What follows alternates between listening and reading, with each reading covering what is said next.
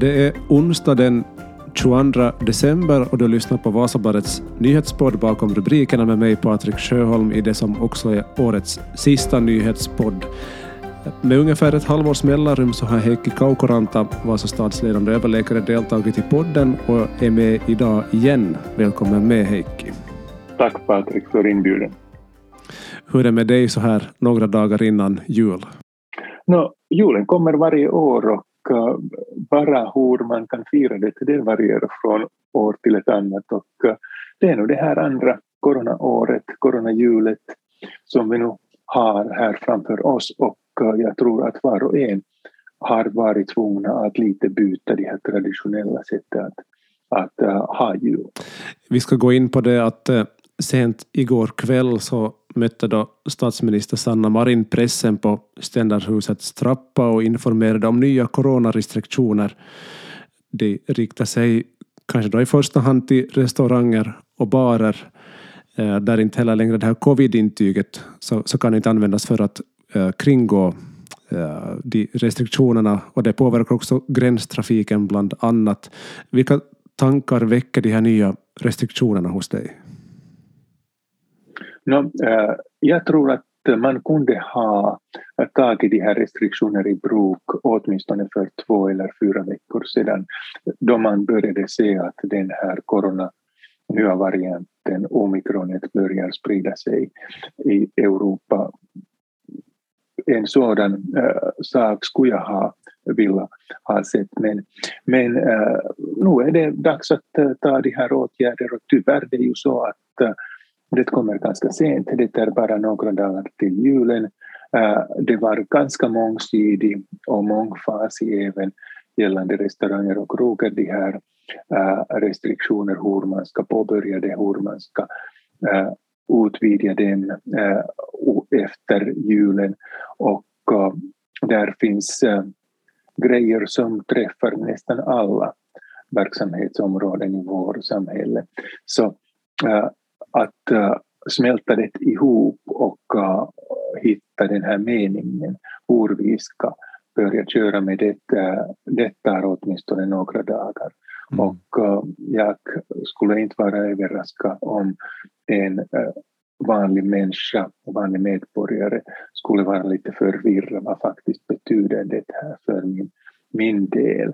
För det är inte heller klart här hos oss proffsen. Är det någonting du saknar? Borde, någonting som borde ha funnits med i den här verktygslådan av nya restriktioner? No, uh, om vi nu tittar på den saken att vi redan har över 50 procent av alla nya fall som man hittar där på Nyland, uh, att uh, de är orsakade av den här nya varianten. Och sen vi satsar ganska kraftigt med den här gränsbevakningen.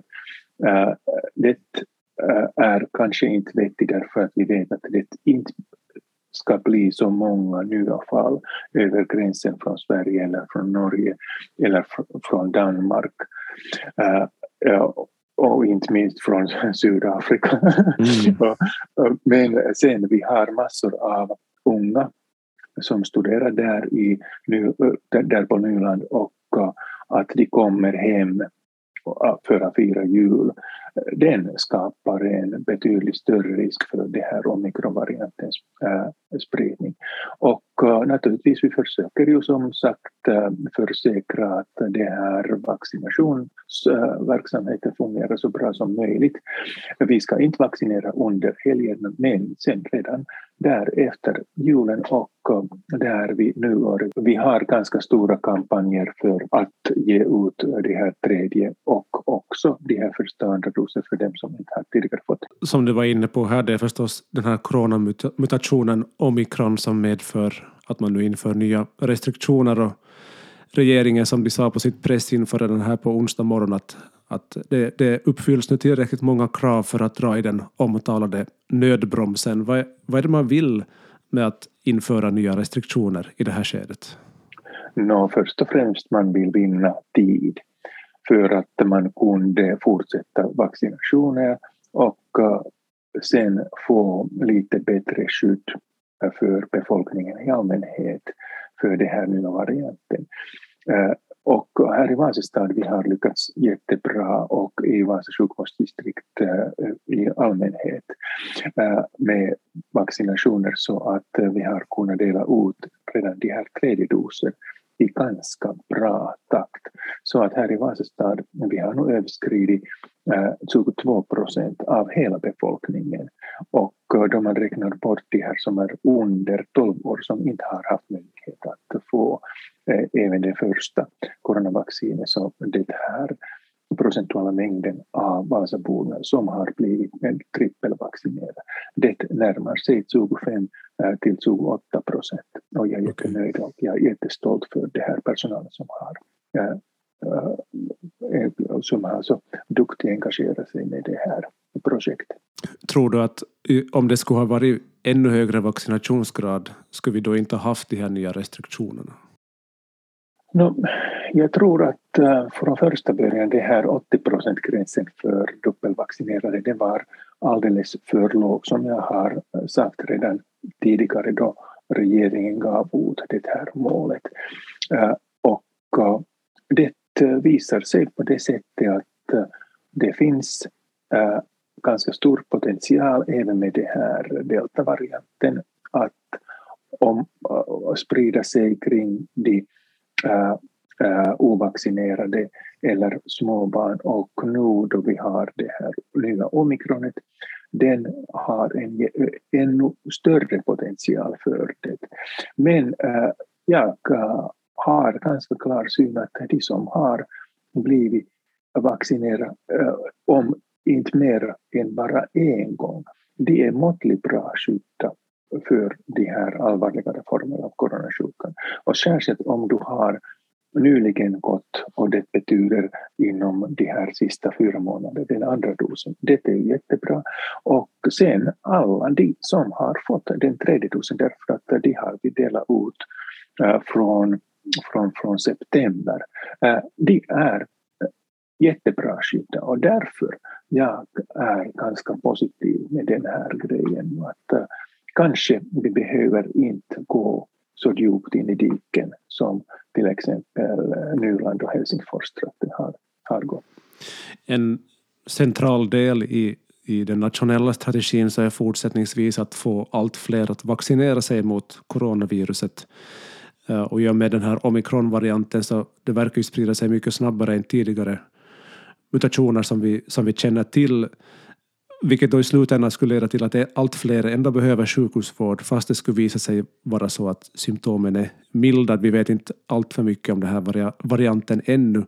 Men vad har du att säga till dem som ännu tvekar på vaccinet eller funderar om ska man ta det eller inte?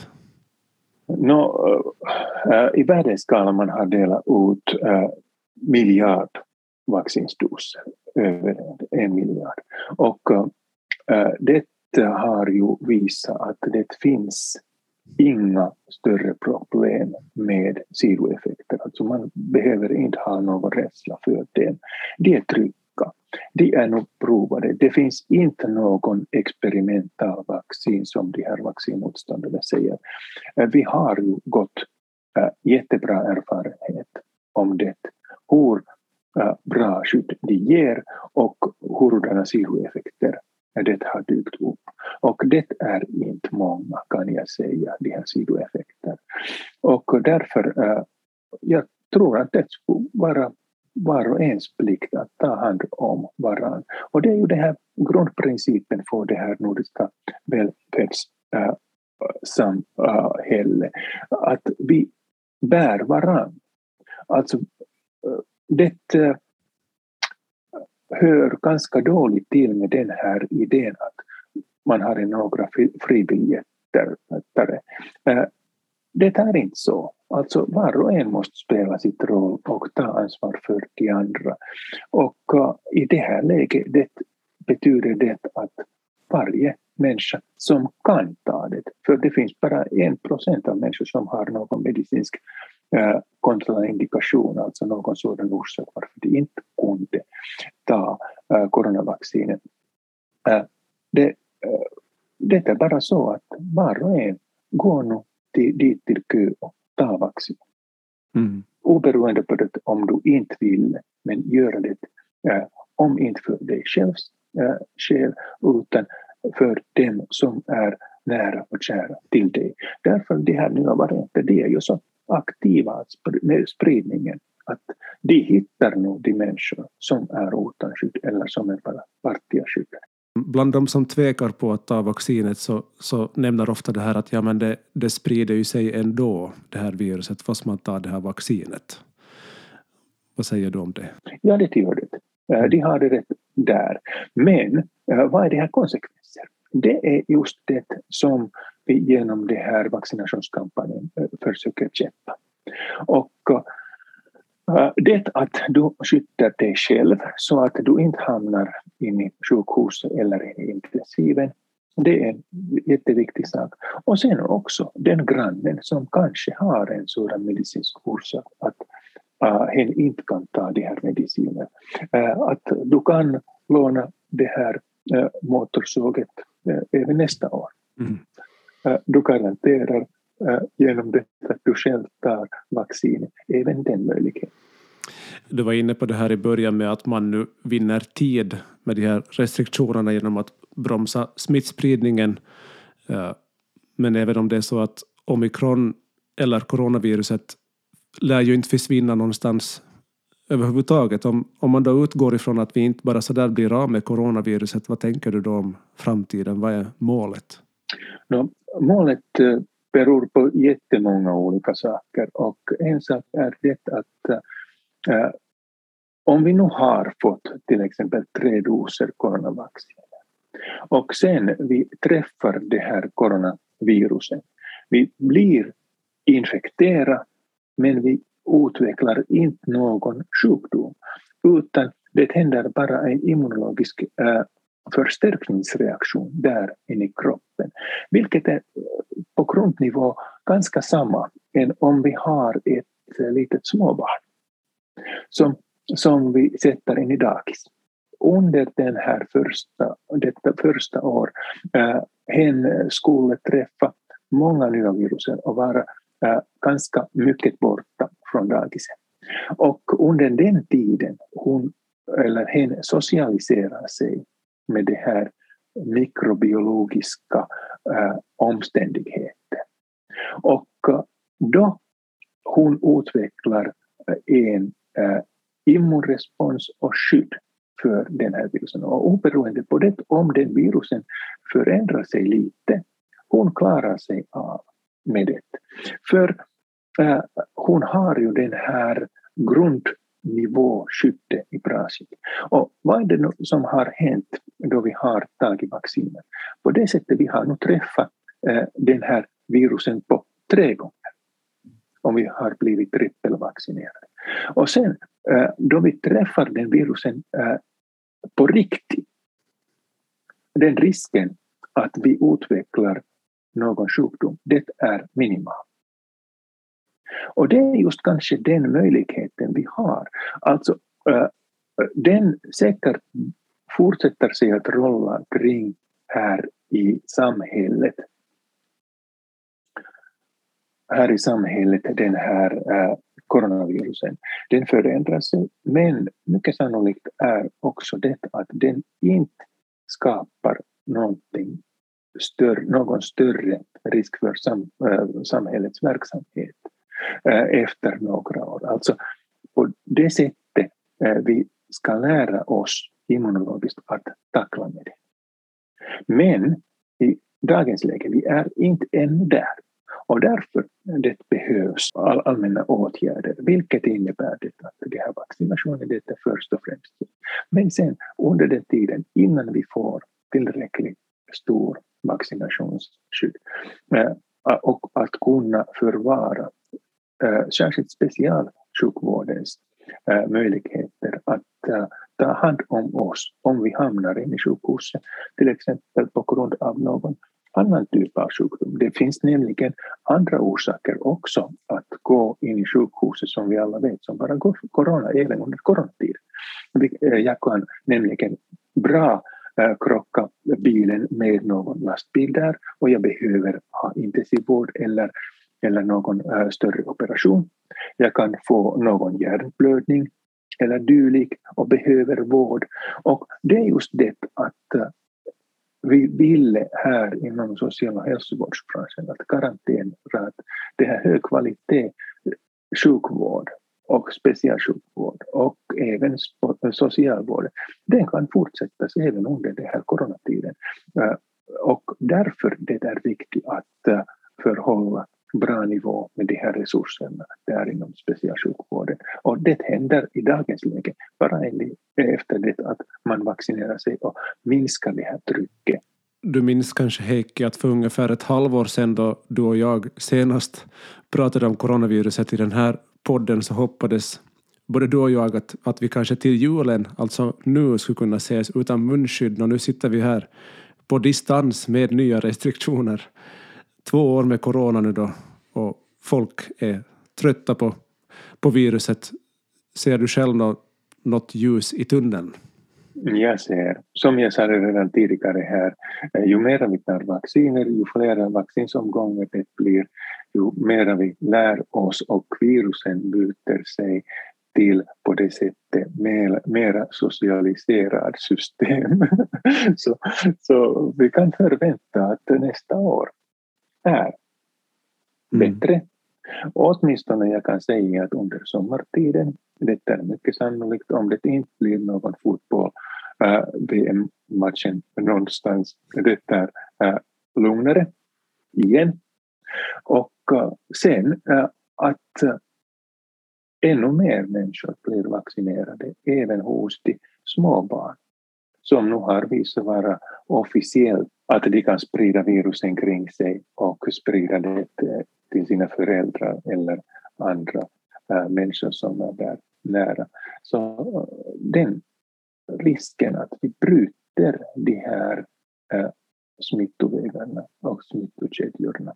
Vi gör det så att den här virusen har allt färre möjligheter att hoppa framåt. Och den eventuellt och slutligen äh, slopa den här epidemi. Vad är rådet nu inför julfirandet? Inför julfirandet, äh, det blir nog ganska sent för var och en har gjort sina egna planer. Men, vad är kanske det som man kunde nu tillämpa är det att fira med de människor som du känner till. Fira och ta emot julen med de som du delar i vardagen, ditt vardagliga livet och ditt kylskåp. Och äh, sen äh, trivs där ute i luften. Gå till eh, begravningsplatsen, det är tryggt. Äh, om du har bara möjligt, använd egen bil då du flyttar från en plats till en annan. Och om du använder lokaltrafik eller äh, längre sträck bussar eller tåg så äh, använda ansiktsmask. Håll avstånd, använd ansiktsmask även då du handlar och äh, sen ha en bra jul. Mm. Det är nämligen inte det som vi har här kring oss utan julen är mer en mental aspekt. Vi vet att under krigstiden det var många jul man hade det så bra det var möjligt. Det att vi har nu den andra äh, julen som nu kan vi kalla som coronajulen. Det är säkert annorlunda men inte nödvändigtvis sämre. Och så läste jag i en tidigare intervju här som du gjorde för Vasabladet att du har lite diskuterat med julgubben nog att på ett sätt eller annat så kommer nog de där paketen fram. Jepp. Jag har personliga kontakter till jordgubben. och jultomten har sagt att uh, han ska komma men kanske uh, uh, de där små barnen ser inte honom. Men det kan väl hända på det sättet att de där uh, gåvorna och gåvsäckarna hittas där bakom yttre dörren eller sen där i korridoren. Men om det händer någonting sådant att man hör någon otopisk ljud, det lönar sig faktiskt att springa till fönstret och kika lite om man ser slöjan där. Bra. Tack ska du ha Heikki. Tack igen. Och ha en bra jultid och en uh, bra och fin nyår, årsväntande och sen vi ska köra tillsammans med, till nya året 2022 och vi förväntar äh, ganska mycket för det. Mm. Och äh, att vi äh, kan alla tillsammans slopa de här restriktionerna samt det här corona så bra som bara möjligt. Ja, det var allt för bakom rubrikerna den här gången och det var också som jag sa i inledningen, det här var årets sista nyhetspoddsavsnitt.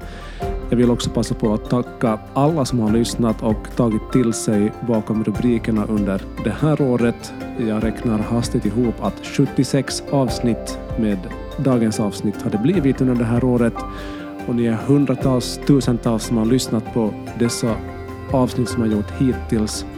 Jag har njutit av varje minut. Jag hoppas att ni har lärt er mer om samhället, om världen, hur saker och ting hänger ihop, för det är på något plan hela idén med den här nyhetspodden. Att få lite mera kött på benen när det kommer till nyheter och sånt som händer i vår omgivning.